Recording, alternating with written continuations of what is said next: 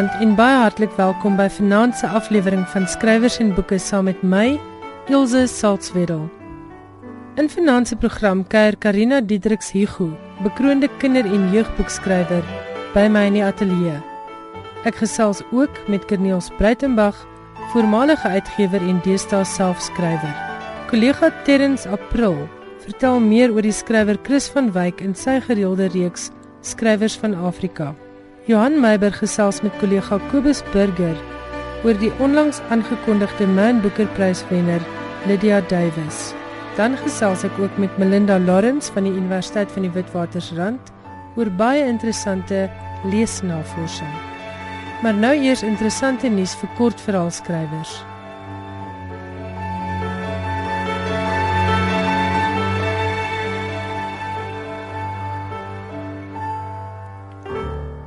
Pen Afrikaans, die Afrikaanse afdeling van Pen Internasionaal, is op soek na kortverhale deur skrywers tussen 18 en 30 jaar oud om in te skryf vir Pen Internasionaal se kortverhaalkompetisie.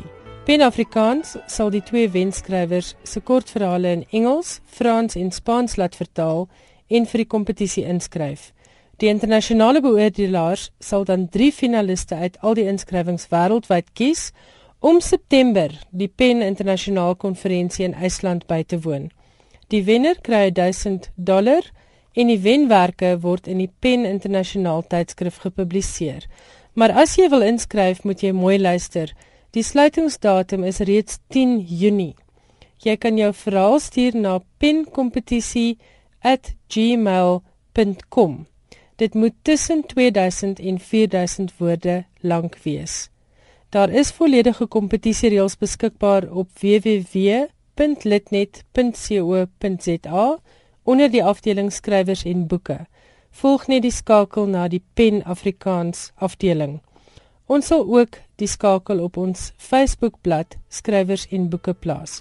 So opskit, die tyd is min, maar dalk het jy 'n kort verhaal wat in jou boonste laai lê en wag en net afgestof moet word om vir hierdie kompetisie in te skryf.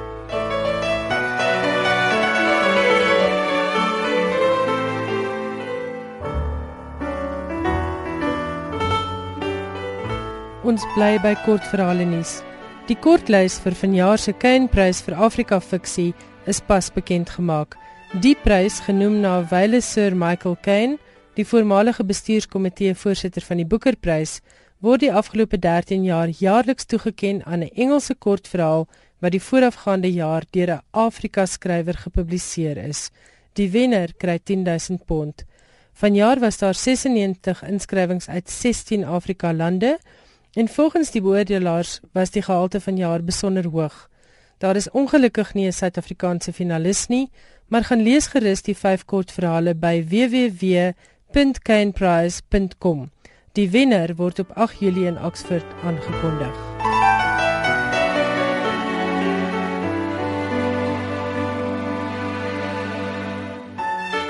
Vra enige Afrikaanse tiener oor sy gunsteling Afrikaanse skrywers en die kans is baie goed dat die naam van Karina Diedriks Hugo gaan opduik.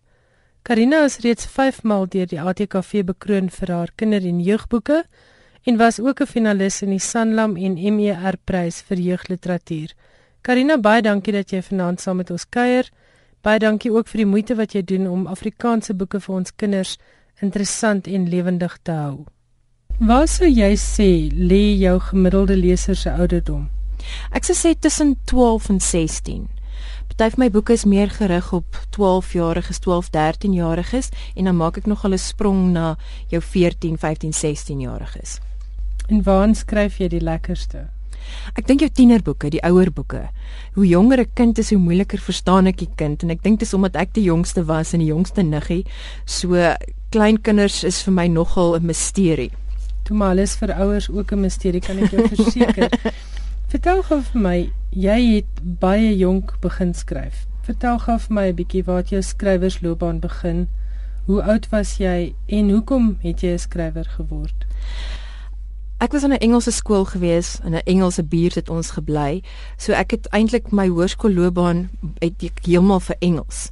Ehm um, en toe matriek, toe kry ons hierdie nuwe juffrou en sy het heeltemal uit die boks gedink en vir my gesê maar jy mors jou tyd want ons kon net tweede taal Afrikaans doen en sy het my biblioteek toe gestuur en gesê nou gaan jy begin lees en dit was my nuwe wêreld wat oopgegaan het. En veral die taal het my geïnteresseer. Wat mense in Afrikaans kan doen, neologismes ensovoorts. En daai liefde het ek half oorgedra universiteit toe. En ek het eintlik internasionale studies studeer, maar ek het Afrikaans as ekstra vak geneem. En ek het baie gelukkig getref dat Marlene van Niekerk in my honeursjaar daar begin klas gee het. En sy het my absoluut op die skryfpad gebring, um, op die manier wat sy dink en sy ons laat kyk het na die letterkunde en skryf. Want mense gaan altyd deur 'n diep fase waar jy swaar dra en jy drink net koffie en jy skryf gedigte wat verskriklik sleg is. Onleesbaar baie keer. Onleesbaar. Uh, ek het nou die dag weer gaan kyk daarna, ek het dit maar weggegooi. en daardie gogga my gebyt. En Lape Uitgewers het korona begin gevra of ek 'n jeugboek wil skryf nie en ek het gedink ek was toe 21 gewees. Sjoe. En ek het gedink is die maklikste ding ooit. Jy gaan sit 'n naweek, jy skryf die boek. En toe kom ek agter maar ek weet niks meer van tieners nie. Ek weet niks meer eintlik van om jonk te wees, op skool te wees nie. En toe het ek opgehou en ek het vir 'n jaar lank net gelees. Um plaaslike boeke, oorsese boeke, alles waarop ek my hande kon lê. Alles nou jeugboeke. Alles jeugboeke en en kinderboeke ook. So 'n mm, hele spektrum mm. probeer dek. En hier het hierdie wêreld vir my oopgegaan van hoe wonderlik kinder- en jeugboeke is waar hulle kyk nog vars na die lewe, die manier waarop hulle na die lewe kyk en in 'n kinderboek of 'n jeugboek stories enigiets moontlik. En dit is vir my baie bevrydend en dit is gee my energie om heeltyd te skryf. En wat was jou eerste boek?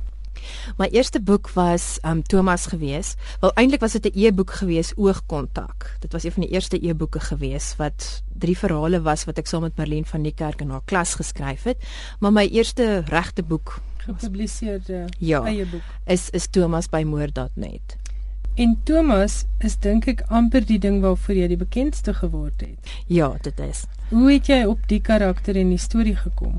Ek dink Thomas is 'n vermenging van my twee ouer boeties. Um hulle is 5 en 7 jaar ouer as ek. So ek het as kind hulle meer dopgehou as wat ek kon saam speel. En Thomas het eienskappe van Gerard en hy het eienskappe van Christian. En ek het een aand by vriende gekuier en hulle seentjie het ingekom en sy sak so neergegooi en gesê: "Ag, flip dit." En sy naam is Ievallig Hannes, woeste blonde hare. En daarsoos dit asof daar 'n liggie aangegaan het, jy weet, so vonkie wat in die lug geskiet het. En ek dink dit ek net gaan sit en ek is hou van avonture, ek hou van spookstories. En die kombinasie van Hannes wat sê flip it, dis die eerste sin in Thomas by moord.net en hierdie karakter wat ek eintlik reeds geken het en ge gehaat het sonder dat ek dit geweet het. Toe skryf jy 'n hele klomp Thomasse. Hoeveel in totaal? Daar's nou 8 in die reeks. En toe word Thomas 'n TV-reeks. Ja, dit was wonderlik geweest. En jy het eers het ek gelees jy het gesê om 'n draaiboek te skryf is 'n baie moeilike ding. Hoe het jy daai oorgang gemaak en was jy 200% verantwoordelik vir die draaiboek of het jy ook maar insette gekry van ander mense? O nee, ek was um absoluut het het ek aan die voete gesit van van Henrietta Gryvenberg. Sy was met die eerste reeks, want ons twee reekse gemaak, mm. was sy die hoofskrywer gewees en ek het ingestap en minder as niks gewees nie. En sy was so 'n goeie leermeester gewees en ons het letterlik 6 maande gesit en sy het my geleer van die proses, van daar's 'n groot denkproses wat plaasvind en hoe jy elke toneel moet uitwerk voordat jy by die fisiese draaiboek kom. En dit was nog 'n kopskuif geweest dat jy nie net kan gaan sit en jou storie skryf nie. So ek het baie geleer by Henrietta en toe in die tweede reeks, dis ek hoofskrywer en Kobus Geldenhuys het toe saam met my geskryf. Ehm um, wat vir my baie moeilik was is dat jy nogal beperkings het. Jy het begrotingsbeperkings. Want ek het aanvanklik gesê ons doen skote van Kaapstad uit die lug uit en dan is daar helikopters en ons dit en dat en dan almal net baie snaaks gelag, neem ek aan. Ja, hulle het eers my snaaks aangekyk en toe gelag en toe vir my vertel hoeveel dit sou kos. So daar moes jy jou kreatiwiteit as dit ware inperk en meer realisties dink in terme van tonele. Jy moes meer visueel begin dink. So as jy moet kies of as jy nou ooit met 'n geweer teen jou kop 'n keuse moet maak tussen boeke skryf en draaiboeke skryf, watter een gaan dit wees? Boeke. Ek dink dis omdat ek meer vertroud is met die medium. Ehm um, ek dink as ek bietjie meer weet van draaiboeke en hoe om dit te skryf want ek dink hoe meer mense skryf hoe beter raak jy maar ek dink nie ek sal ooit 'n pulsie venter kan wees nie Maar boeke is nog vir my lekker. Ek dink dis my sterkpunt. En gaan jy ooit in 'n ander ouderdomsgroep skryf of dink jy tienerboeke is die ding wat jy skryf? Dis my eerste liefde. Ek is nou besig met 'n boek vir volwassenes. Um baie lig, niks swaar nie, maar ek geniet dit nog meer om vir tieners te skryf. Um ek is soos ek gesê het ek's mal oor hulle werklikheidsverstaan en hulle hulle blik op die lewe. Maar die proses neem ek aan om vir 'n tiener te skryf is baie anders as om vir 'n volwassene te skryf. Wat is dinge wat jy moet in ag neem as jy vir 'n tiener of 'n kind skryf? Met tieners of met eintlik enige tipe jongmensboek, jy moet in voeling bly met jou leser. En jou leser is jou prioriteit. Gaan dit werk vir daai spesifieke leser? Want vir so lank ek dink nou in die 70er 80er vroeë 90er jare was die klem gewees nie op die leser nie dit was gewees wat gaan akademici sê wat gaan pryskomitee sê en gelukkig het dit nou heeltemal omgeswaai en die fokus is absoluut gaan 'n tiener dit lees en daarmee kan homself uh, vereensalwig so ek probeer soveel as moontlik kontak hê met tieners natuurlik by skole kom ek baie met hulle in aanraking en Facebook Ek het so 2-300 Facebook vriende wat tieners is en dit is wonderlik want jy kan onmiddellik met hulle gesels. Hulle vra soos wat is die kwessie nou wat jou pla? Is dit en dit 'n kwessie by julle skool? Ek kan sien wat se musiek hulle luister, wat se TV-programme hulle kyk. So Facebook het absoluut dit makliker gemaak. Maak die wêreld half oop. Absoluut, absoluut. Ehm um, en hulle het hierdie hele netwerk. So hulle sal vir jou blitsvinnig sê vir my beteken dit en dit, maar vir my vriende dit en dat. So dit is net so 'n maklike manier om jou teikengroep te bereik. In een van jou boeke, verbeel ek my verlede jaar was baie interaktief. Die tieners kon 'n tag reader um op die op die bladsy skandeer en dan is dit geneem na 'n videoetjie op YouTube. Ja, dis reg. Is dit belangrik om die tieners tegnologies ook in ag te neem? Want hulle wêreld verskil van ons in. Ek dink so. Ek dink mense moet onthou dat dit nie meer net boeke en TV en rekenaars het nie. Dit vloei mekaar. En baie mense dink dat die elektroniese medium is 'n bedreiging vir boeke. Ek sien dit as nog 'n afsetgebied vir 'n storie. Ek dink hierdie boek gaan ooit verdwyn nie. Um daai sintuiglike ervaring um gaan nooit vervang kan word nie en ook dis goedkoop vir al in skole. Dis baie maklik om 'n boek in 'n klas te gebruik of vir 'n kind te gee om te lees as wat jy nou 'n e-boek moet gee waar jy rekenaar nodig of 'n tablet nodig het. Ek dink dit is belangrik om baie in ag te neem dat die elektroniese wêreld eintlik primêr um, 'n um, bestaan voer by tieners. En en jy sou jy sê gedrukte boeke verkoop in jou in jou genre nog steeds meer as e-boeke? O, baie meer, baie meer. Ek dink die e-boek verkope um, in Afrikaanse marke stadig maar seker besig om toe te neem.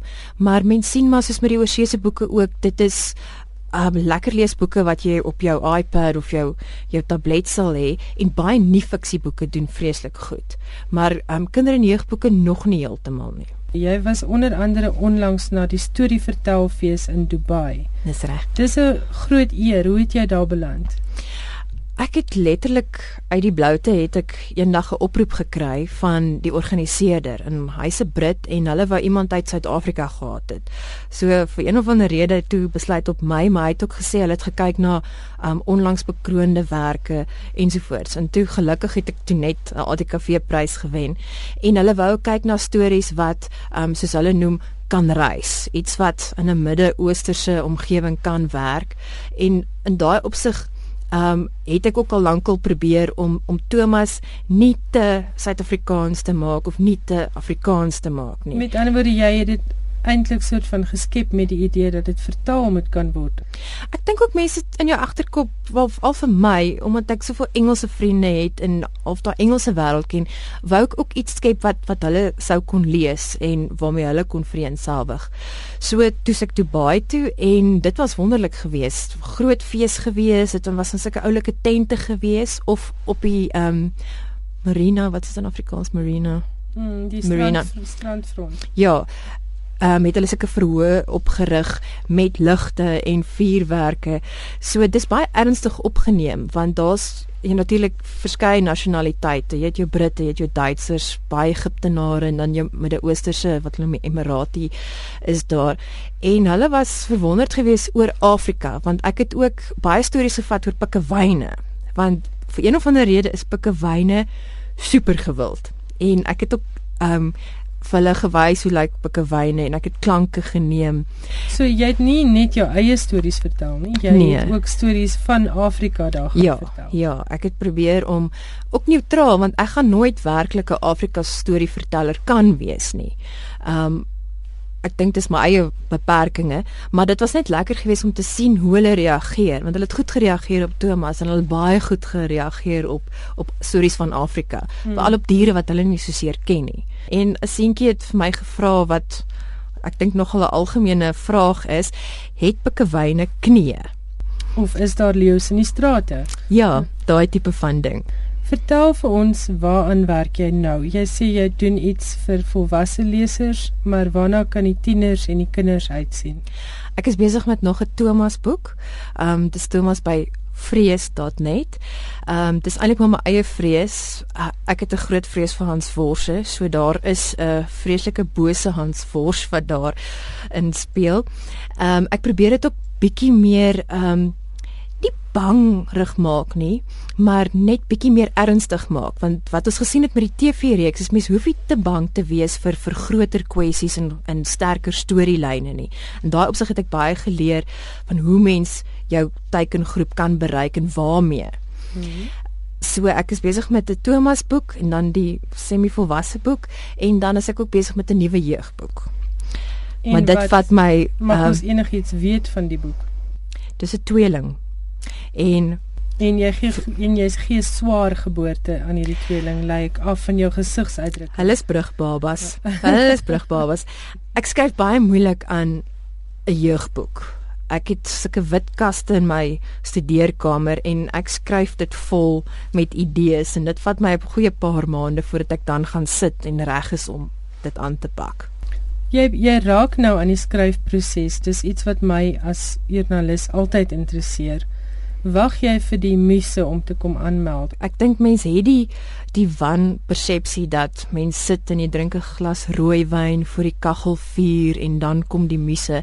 Ek dink die muse is baie lui en is besig om 'n glas wyn te drink by 'n braaivleisvuur terwyl jy um probeer skryf. Vir haar wag. Ek dink mense mense begin anders kyk na die lewe as jy skryf. Jy jy is meer bewus van wat om jou aangaan. Uh jy's absolute voyeur, luister af, my groot ding is ek luister af in restaurante. En gewoonlik gebeur dit dat ek so aan die afluister is dat ek my stoel na naderhand na hulle toe draai en, en my vriende vir my sê 'n voorgereg bestel. dis reg, dis reg. En as ek klaar weet ek van almal se stories en dit gebruik ek baie. En soms dan sien jy iets en dan sit weer daai vonkie wat net die lig inskiet. En dan het jy nou al 'n idee, jy wil 'n Thomas skep, dis basies wat jy wil doen. En dan soos jy sê is dit gaan sit en dis werk. En dan staar jy hele dag na die wit skerm. Jy moet maar net daar sit. En gewoonlik is dit vir my net 'n ding van al skryf jy hoofstuk 1 en dan skryf jy net die eerste sin. Dis net daai eerste sin wat mens aan die gang kry en dan is dit vir my 'n baie lekker proses want ek sê altyd dis my soos 'n film wat jy kyk jy weet nie wat volgende gaan gebeur nie so ek is half opgewonde oor wat volgende gaan gebeur So dis vir jou 'n verrassing. Dit is my verrassing. Ek kan nie 'n hele boek vooruit beplan nie want ek verander heeltyd van Ek wil jou nou net vra, ek was verlede jaar in 'n lesing van Michael Connelly en Jeffrey Deaver oor skryfkuns en hoe hulle werk. Jeffrey werk maande aan 'n plot en hy um karteer dit en hy het hy skep basies 'n biografie vir elke enkele karakter of die karakter twee lyne lank verskyn of of twee hoofstukke lank werk jy so? Het jy so 'n 'n metodiek as jy gaan sit om te skryf? Ek werk my karakters uit. Ek het 'n karakterbybel vir elkeen want ek moet kan dink hoe hulle gaan praat en en waaraan hulle dink en hoe hulle sal reageer. So ek werk my karakters uit, maar wat die storielyn betref, ek moet net basies weet waar ek skryf en dan is dit gewoonlik um een karakter wat na vore tree en dan weet ek ek begin met hom of haar. Met Thomas boeke is dit maklik want mens begin met Thomas. Met Thomas. Uh ek het 'n boek nou geskryf of laas jaar permanente ink en daar's 4 karakters en elkeen het 'n ander stem letterlik. En dit het my baie lank gevat. Soos ek sê kasdeure was vol geskryf gewees. En een karakter Amir het ek fisies raak geloop in die Bokaap. Ehm um, hy's 'n kuberkraker en ek het met sy oupa gesels oor die Bashoes ehm um, koeldranke en hy wys vir my sy sy sy klein seun wat net voor die rekenaar sit en hy kon nie verstaan hoekom nie. En hier stap ek in, hier sit hierdie pragtige seun twee skootrekenaars en 'n groot skerm en hy's net besig om te tik. En daar was karakter gewees en presies so figureere in die boek. So soms meld hulle aan, soms moet jy hulle bedink. So jy's nie soos een van die ander baie skrywers wat ek al gehoor het wat stemme in hulle kop hoor nie. Ek het stemme in my kop, maar, maar kan nie nou daaroor praat nie. Nee, nee, ek ja, ek dink nie mens moet dit hardop sê nie. Karina, hoe lank vat dit vir jou om 'n om 'n boek te skryf? Want ek dink ook lesers is dikwels onder 'n wanindruk oor die tyd stuur. Ja, dit kan nogal 'n rukkie vat. Ek dink dit hang af van hoe besig mens andersins is, want ek doen baie vertalings en natuurlik reis ek baie. So mens moet eintlik halftyd hê dat jou kop net bietjie kan rustig word. En dan neem dit my enigiets van van 3 maande tot 6 maande. As ek aan 'n boek besig is, moet ek hom klaarmaak. Sê gou vir my, wie lees jy? Ehm um, ek lees baie wyd. Ek is lief vir enigiets van ek's baie lief vir Anthony Beaver se se se boeke oor die Tweede Wêreldoorlog.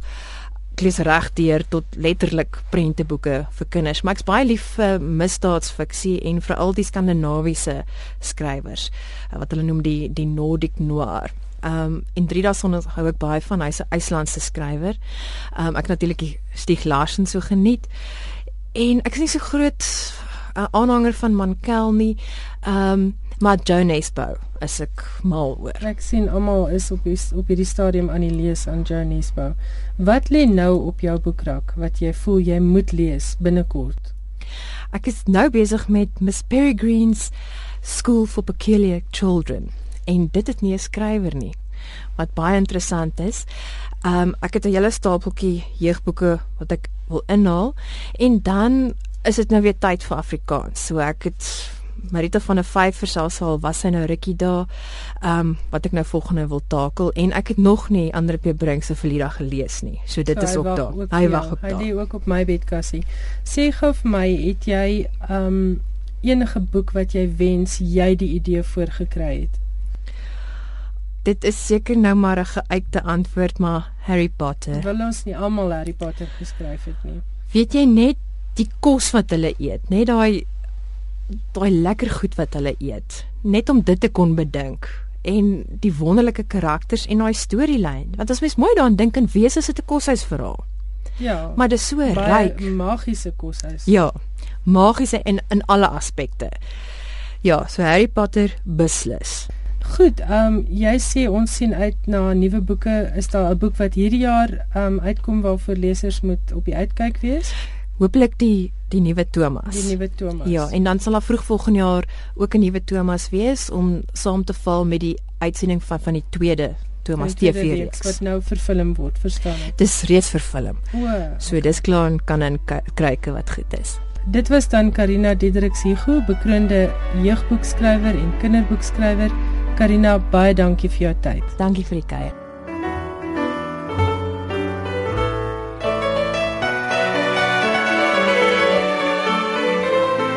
Jy luister na skrywers en boeke saam met my Elsje Salzwetel. Volgende aan die beurt is Terrence April met sy bydrae oor Chris van Wyk. Chris van Wyk is in 1957 in Soweto, Johannesburg gebore. Hy het skool gegaan in Rivelie en later sy studies in Swaziland, Botswana, Nigerië, Rusland en Duitsland gaan voortsit. Hy het in 1998 die Sanlam-prys vir die beste kortverhaal in Suid-Afrika ontvang vir sy Magic. Chris van Wyk het werk in verskeie genres gelewer: novelles, kortverhale, jeugverhale en verskeie akademiese geskrifte. Sy eerste werk was It is time to go home wat in 1979 verskyn het en waarvoor hy die Olof Schreiner prys ontvang het. Hy het ook vir sy laaste werk tot op hede, Ouma Ruby Secret wat in 2007 voltooi is, die Exclusive Books prys ontvang. Van Wyk het ook groot aandag getrek met sy vertaling van AHM Skool se Fatmar wat in 2000 gepubliseer is. Van Wyk het byna 'n obsessie met verhale uit die tyd van sy grootouers en het talle opnames gemaak van stories wat hulle vertel het. Baie daarvan vind neerslag in sy werk. Hier is 'n uittreksel uit Shirley Goodness and Mercy. Today is the day I see magic. We're living in New Clare, Johannesburg.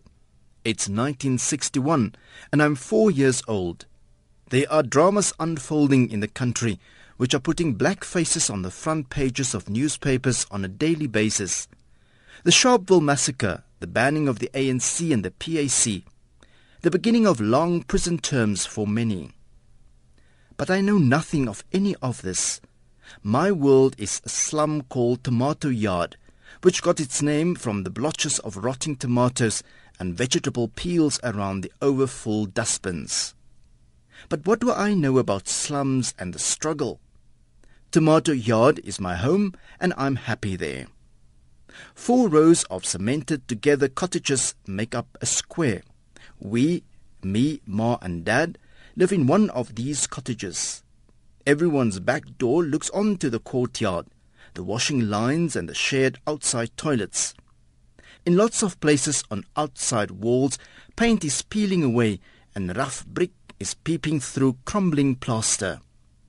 The front doors of the row of houses where I live open onto Southey Avenue, but it's in the courtyard, Tomato Yard, where life happens.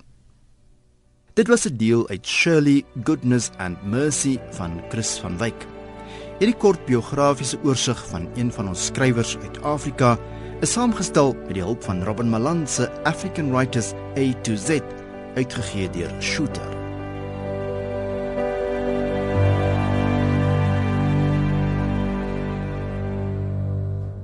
Corneels Breitenberg is maar nog sy lewe lank op een of ander manier by die Afrikaanse woord betrokke. Eers as joernalis, kosresensent en popmusiekresensent en later as uitgewer. Hy is natuurlik self ook 'n gepubliseerde skrywer en sy Piknik by Hangklip wat in 2011 verskyn het, het lesers en kritici gaande gehad. Corneels is natuurlik ook 'n boekresensent en ek wou by hom weet of hy hoegenaamd tyd kry om sommer net vir die pret te lees. En natuurlik wou ek ook by hom weet waarmee hy op die oomblik besig is. Ja, Ilse, ek het ek is besig op die oomblik met 'n nuwe roman. Ehm um, iets wat afspeel daar in die laat jare 40 net na die oorlog. Ehm um, en ek hoop om dit klaar te hê teen die einde van die jaar. Uh die lang tyd wat dit gaan vat kom eintlik daarvan dat ek gaan onderbreek op deur 'n projek 'n tweede deel van hierdie vertalings of nie vertalings die verwerkings wat ek maak van Dion Opperman se televisiereekse. Verlede jaar was dit Hartland en vanjaar is dit iets wat nou later vanjaar uitgesaai word naamlik Donkerland. Ehm uh, Donkerland is hulle op die oomblik mee besig met die opnames en die oomblik wanneer hulle vir my hulle rowwe opnames kan wys kan ek begin skryf. Hoe werk die proses? Uh, met Hartland het ek die opnames gehad soos hulle uitgesaai was. En dan sit ek maar net by die rekenaar en ek maak dit oop in in 'n uh, program en, en dan kan jy dit stop en dan net langsam het ek uh, uh die teks uh, soos hulle dit vir my gegee het wat ek dan net omsit in 'n 'n woordverwerkingsprogram.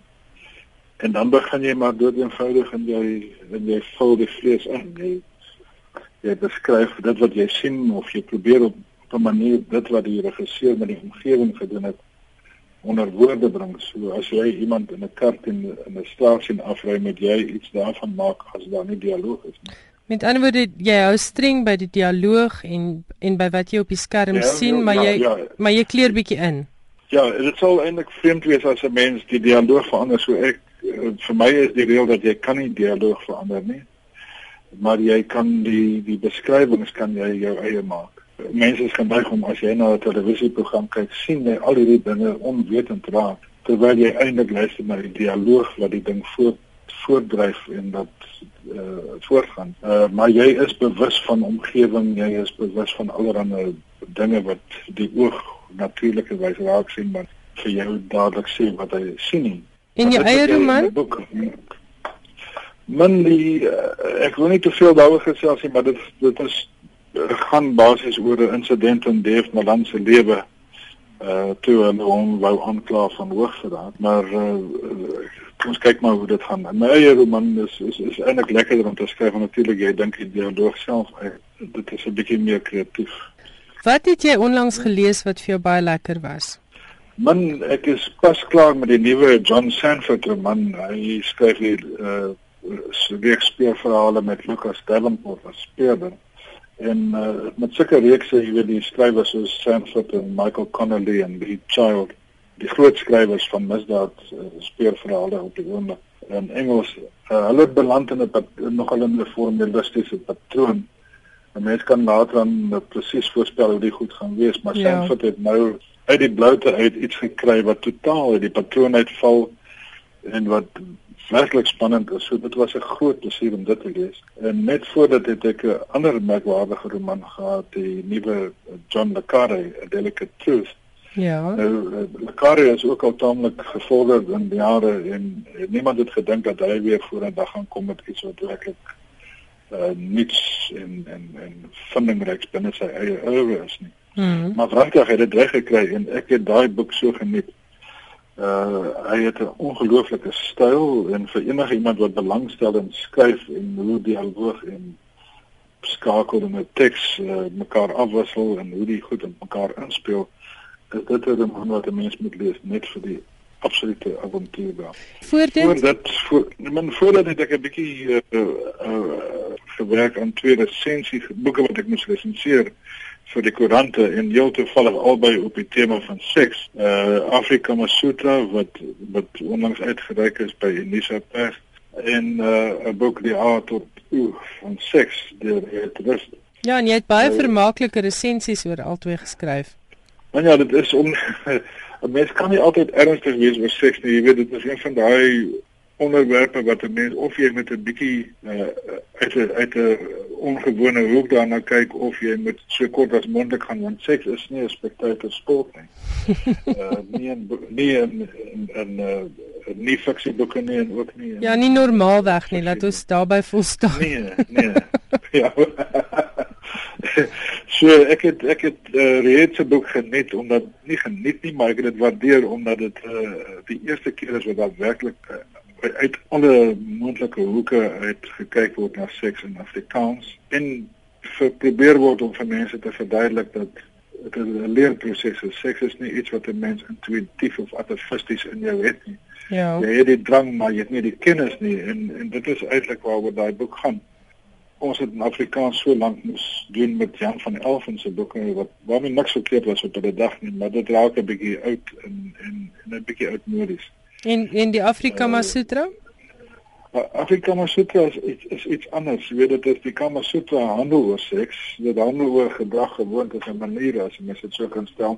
Maar die boek self het nie uh, skinnige illustratiewe elemente in in vuil of uh, uh aanstootlikhede, visuele aanstootlikhede. Dit is geïllustreer deur drie Suid-Afrikaanse kunstenaars en die illustrasie self is hoogs kreatief en en baie verbeeldingryk en dit maak die lees van daai boek eintlik heeltemal 'n ander soort ding. As jy nou dink jy gaan daai boek lees vir die vir die uh plesier wat jy daar kry, dan maak jy baie groot fout. Dit is eintlik 'n estetiese belewenis aan die een kant en aan die ander kant is dit 'n manier om te kyk na hoe in die ou Indië nou die onderwerp van seks behandel is en hoeveel van daai daai gedrag gewoontes en maniere oorgebly het in ons eie samelewing en hoeveel daarvan totaal en al verlore geraak het. Ek lê af jy kan verseker. dit albei aanbeveel. O ja, verseker. En as jy nou tyd het tussen resensies en jou eie skryfwerk deur, wat lees jy graag? Watter genre en wat is jy byvoorbeeld op die oomblik mee besig? Man, ek ek ek lees wyd. Ek uh my as jy die bucket list uh kan uh, kan opneem Ek sit op die oomblik soek ek na 'n boek van Christos Tsiolkas, 'n Brits-Griekse skrywer. Ehm uh, sy uh, sy jongste boek se titel is Dead Hero.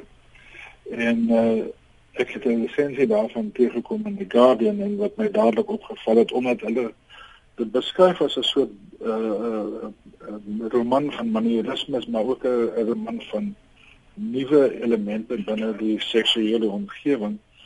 En uh ek ek het net gedink magtig dit as hulle sê dis die nuwe American Psycho dan wil ek dan ten minste sien wat daar aan die gang is. Ja. En dan is daar ook 'n 'n boek deur Rachel Kushner, sy is 'n Amerikaanse joernalis. Wie se tweede roman The Flamethrower nou binnekort uitkom. The Flame hoekom, The Flamethrower. Flamethrower, ja. Ja. En die rede hoekom ek op haar afgekom het was omdat sy betrokke was by die uh, persklaarmaking van twee ou Italiaanse boeke van Guido Malaparte. Twee boeke wat in rondom die Tweede Wêreldoorlog gepubliseer was.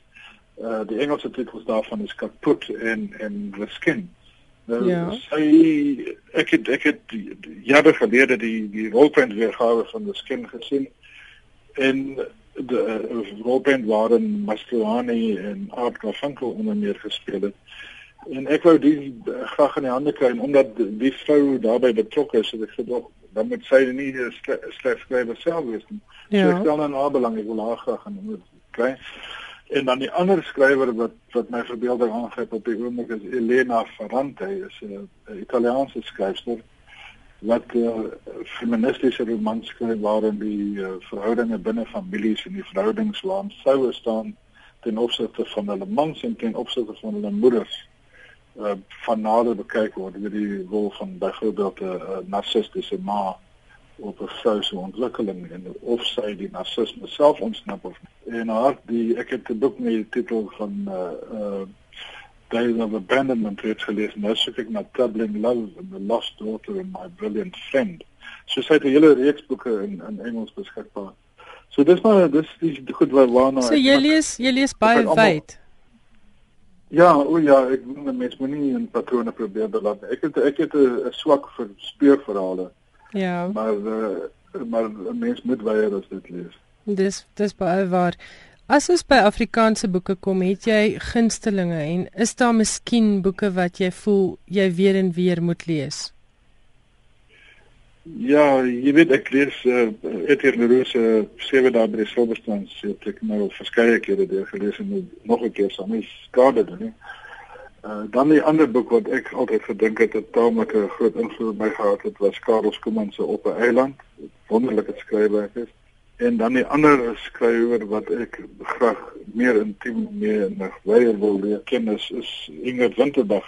Uh, waar vroegste romans wat sy onder die uh, naam Letty Viljoen gepubliseer het. Ek wil hulle almal weer takel. En die rede vir die leesprojek is eintlik om agter te kom hoe haar skrywerskap ontwikkel het. Uh weet die die man daai gedwonge digte manier wat sy in die begin geskryf het, het plek gemaak vir 'n vir 'n styl met baie meer lig en en uh ligtheid en wat baie goed ontvang word so de sy het duidelik begin besef dat daar publiek, daar lees 'n publiek uh soek daar iets en sy werk in daai rigting. En uh dis mis my interessant om seker goed te sien van haar wat te beskou. Ja, um, Corneels baie dankie. As jy jou boek op die rak het, laat ons asseblief weet. Ons sal baie graag dan weer met jou gesels. O, ek is seker die uitgewers. maar baie dankie vir jou tyd, hoor. Dit is dit is jou sterkte groot.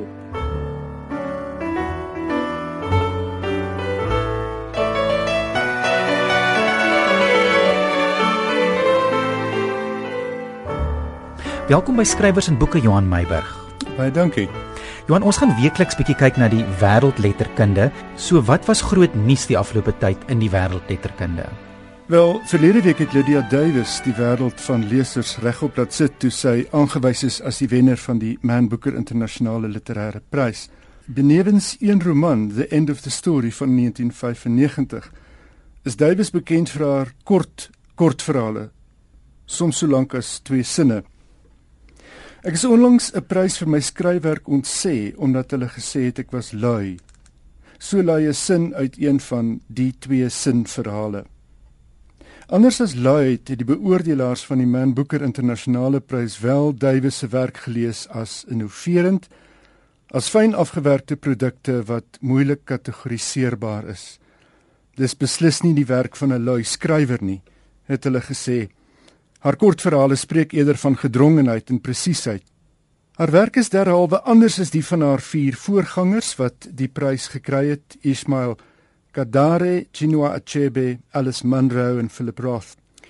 Oor haar nege bundels kortverhale sê Davies, dit is die kortverhaalvorm wat haar aantrek. Dit bied haar, sê sy, die geleentheid om te skryf in watter vorm die onderwerp ook al vereis. Dis dikwels kort, want hoeveel kan 'n mens nou sê oor 'n vlieg teen die wand van 'n bus? Davies, 'n Amerikaner en professor in kreatiewe skryfwerk aan die Amerikaanse Albany Universiteit, is ook bekend as vertaler veral van Marcel Proust en Gustave Flaubert. Vir haar vertaalwerk het die Franse regering haar 'n chevalier van sy kunst en letterkunde orde gemaak. Miskien dan net iets oor die Man Booker Internasionale Prys. Dit word onderskei van die jaarlikse Booker-prys.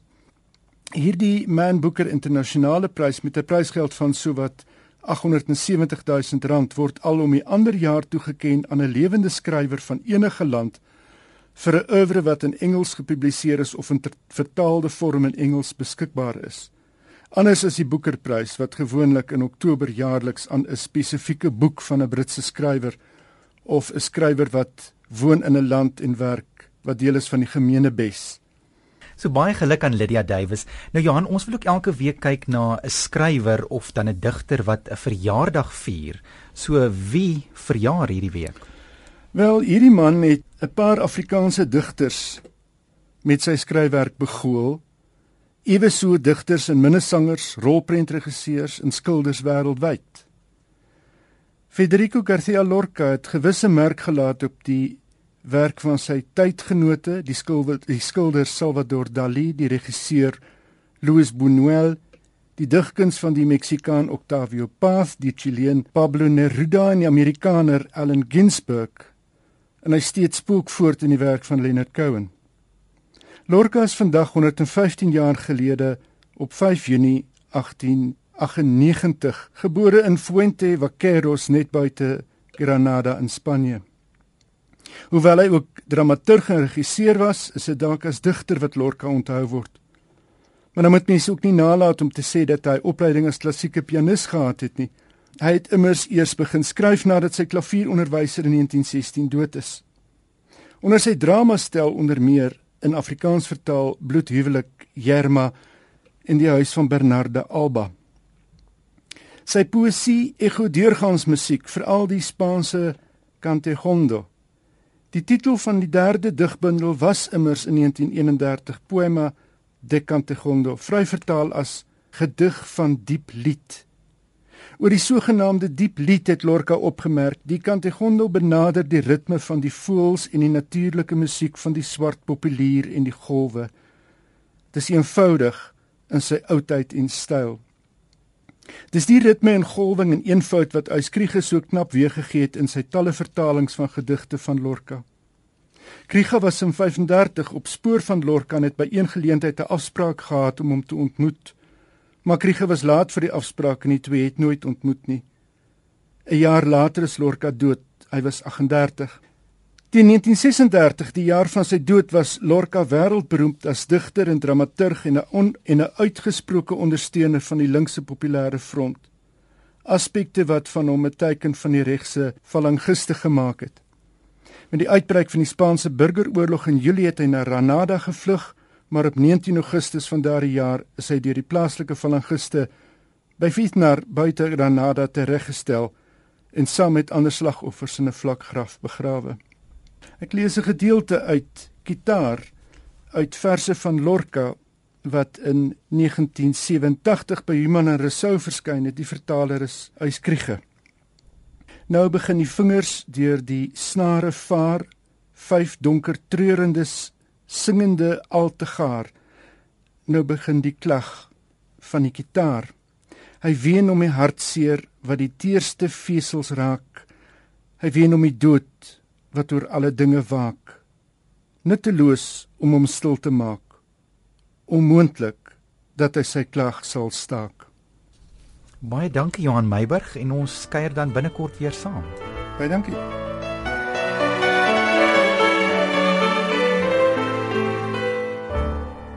Ek gesels nou met Melinda Lawrence, verbonde aan die Departement van Afrikaans by die Universiteit van die Witwatersrand. Sy is die wenner van die ATKV Platinum Beurs vir nagraadse navorsing. Melinda se navorsing handel spesifiek oor lees en leesbegrip onder tweede taal Afrikaans sprekers. Ons gesels onder meer oor hoe Afrikaanse leerders en studente Afrikaanse letterkunde ervaar. Melinda, jy het in die 1980s met jou Afrikaanse studie begin. Dit was 'n moeilike tyd om om op te staan en te sê ek wil in Afrikaans studeer. Hoekom het jy Afrikaans as vakgebied gekies? Ja, Ilse, dit was regtig 'n moeilike tyd. Maar weet jy, omdat ek so groot liefde vir die taal gehad het, het die taal vir my eintlik groter gepraat as ander vakke rondom die taal Afrikaans en seker maar oor my liefde vir af, uh, my liefde vir lees. En hoe meer ek gelees het hoe meer lief het ek geraak vir die taal en hoe meer het ek inbeweeg in die taal. My pa het eintlik die liefde vir Afrikaans vir my aangewakker omdat hy gereeld vir ons boeke gekoop het hy was eintlik 'n regtig inspirasie agter dit. En ek kan onthou om net so vinnig ietsie in te gooi toe ons klein was dan sê ek nee pappa dis hanne dan sê my pa nee dis nie hanne nie dis hare want dit behoort aan haar. En sulke klein goedjies wat gekom het maar dit is klein tyd wat dit gebeur het. En ek dink dit het daar begin dat ek eintlik besef het Afrikaans is eintlik pragtig as 'n mens dit reg gebruik en mooi gebruik en 'n mens kan soveel doen met die taal. En toe word dit jou studieveld. Ja. Toe gaan ek universiteit toe. Ek het uh toe uh universiteit uh, Afrikaans as hoofvak geneem en saam met dit linguistiek wat saam met die tale val. Ek het begin my onderwysloopbaan in die Wes-Kaap by 'n skool as Afrikaans onderwyseres. My liefde vir Afrikaans het verder gegaan toe ek uh, in ek het in die Tallaboratorium by Universiteit Johannesburg gewerk op 'n stadium reeds as gevolg van my liefde vir lees en vertale. Ek het later 'n uh, begin doseer in Afrikaans aan die uh, Universiteit van die Witwatersrand waar ek steeds verbonde is. En by Wits gee jy Afrikaans vir tweede taalsprekers. Dis reg. Nou wil ek met jou gesels spesifiek oor die leesprojek waarmee jy besig is. Ek is blootgestel of ek is gewoond aan Afrikaanse moedertaalonderrig of huistaal soos dit vandag bekend is. Die onderrig van Afrikaans huistaal en dit was vir my 'n groot amper soos 'n wakker skrik sessie toe ek besef dat om Afrikaans letterkunde op addisionele vlak te doseer. Leerders se interpretasie en studente se interpretasie is heeltemal verskillend. Dit wat ons in ons moedertaal of huistaal as vanselfsprekend aanvaar, is nie so vanselfsprekend in 'n addisionele taal nie. Jy kan nou seker nie met hulle die hogere Afrikaanse letterkunde behandel nie. Watter tipe boeke kies jy? Weet jy ek doen met hulle regtig iets wat waarmee hulle kan assosieer. Ek kies boeke wat op hulle vlak is in die, die opsig van vir tieners of wat in hulle ouderdomsgroepe val. Ek doen byvoorbeeld 'n boek deur van Jackie Nagtegaal, daar's vis in die punch.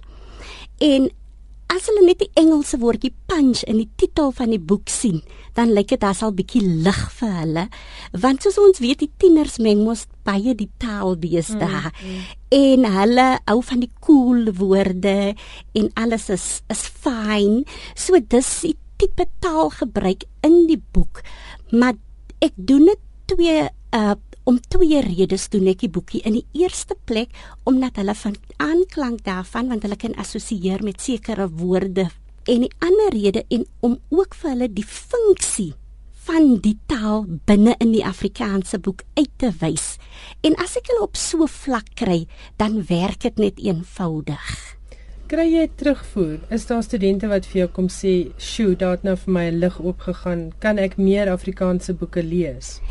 Weet jy, ek kry gereeld terugvoer. Baie van hulle sê, "Sjoe, hulle het gedink Afrikaanse letterkunde of dit wat hulle lees moet net morbied wees want dit is al of oor begrafnisse of iets so maar hulle soek lekker lees boekies en dit is wat ek dink wat ons moet inbring in die klaskamers en wat ons moet inbring na die skole toe vir ons studente en leerders. Goed, wat watse boeke behandel jy nog met hulle? O, dan het ek ook 'n uh, droomwa met die eerstejaars gedoen verlede jaar en dan het ek ook met hulle 'n uh, viel as 'n kind op 'n stadium gedoen. Ek noem maar die paar boeke wat ek die afgelope tyd met van hulle gedoen het. Dan is daar nog 'n boekie, Katrein van die Rigtersveld. Dis 'n ja, nuwe boek, boekie nou. wat ek nou beoog om nou met hulle te doen. So ek kyk, ek probeer boekies kry of hulle voor te skryf wat wat verband hou met hoe die tyd beweeg. Wat ja. ons nie met die ouer boekies sit nie, maar hierdeur sê ek nie dat die ouer literatuur nie 'n funksie het nie, want ja. dit het definitief ook 'n groot funksie in ons letterkunde. Ja, en jy het gesê jy doen poësie met hulle. Ja, ek doen ook poësie, maar ons doen nie die moedertaal poësie of die die huistaal poësie of gedigte wat gewoonlik daarmee gepaard gaan nie, want ons moet altyd kyk na die woordeskat weer eens van die student. Dis reg, sodat hulle weet dat ons iets vir hulle gee wat bo hulle vuur maak plek is om hulle af te sit van dit wat hulle wil graag wil bereik nie. Want vir my aan die einde van die dag gaan dit oor betekenis. Hulle moet verstaan waaroor dit gaan. Hulle moet verstaan wat hulle lees. Dit wat jy doen iets met hulle en het hulle hulle het die begrip waaroor hulle lees of werk of waaroor die gedigte of die leeswerk gaan nie.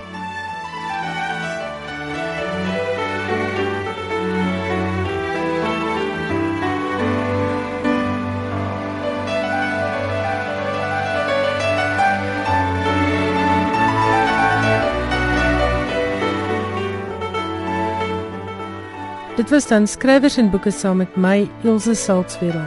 Die potgooi van finansie program is beskikbaar op RSG se webblad by www.rsg.co.za.